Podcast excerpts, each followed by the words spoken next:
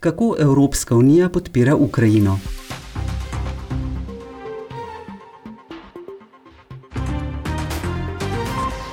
Ukrajina se je osamosvojila leta 1991, ko je razpadla Sovjetska zveza. Državljani so osamosvojitev izglasovali na referendumu.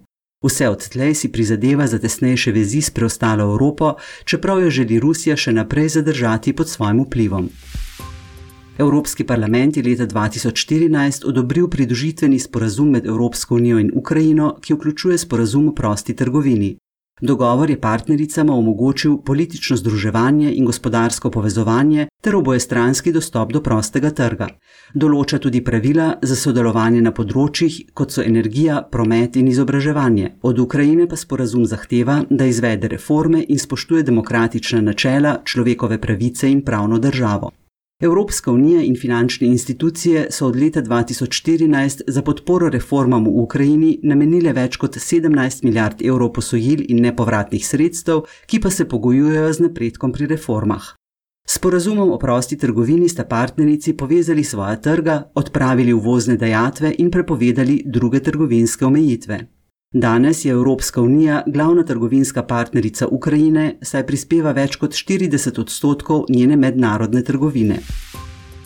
Ukrajinski študenti lahko od leta 2015 sodelujejo v programu Erasmus, ki je eden najpomembnejših projektov Evropske unije. V tem času je v programu sodelovalo že več kot 11.500 mladih Ukrajincev.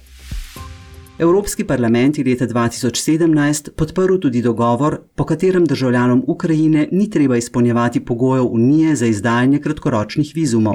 Ukrajinci, ki imajo biometrični potni list, lahko tako v Evropski uniji brez vizuma bivajo do 90 dni. To velja v primerih, ko v Unijo potujejo službeno, v turistične namene ali zaradi obiska sorodnikov in prijateljev. Izjema velja za vse države članice, razen za Irsko. Od začetka pandemije COVID-19 je Evropska unija Ukrajini za najnujnejše potrebe in socialno-ekonomsko okrevanje namenila več kot 190 milijonov evrov. Zagotovila ji je tudi približno 36 milijonov kosov osebne zaščitne opreme, reševalna vozila, najnujnejšo medicinsko opremo in usposabljanja za zdravstvene delavce. Zadnje posojilo je bilo nakazano sredi februarja 2022.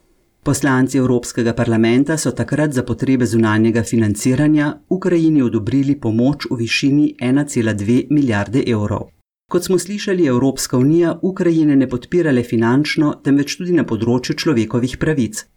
Evropski parlament je leta 2018 nagrado Saharova za svobodo misli podelil ukrajinskemu filmskemu režiserju in zagovorniku človekovih pravic Olegu Sencovu. Leta 2014 so ga zaprli, ker je protestiral proti ruski priključitvi Krima, odkuder prihaja tudi sam. Sencova so izpustili leta 2019 po dogovoru o izmenjavi jetnikov med Rusijo in Ukrajino.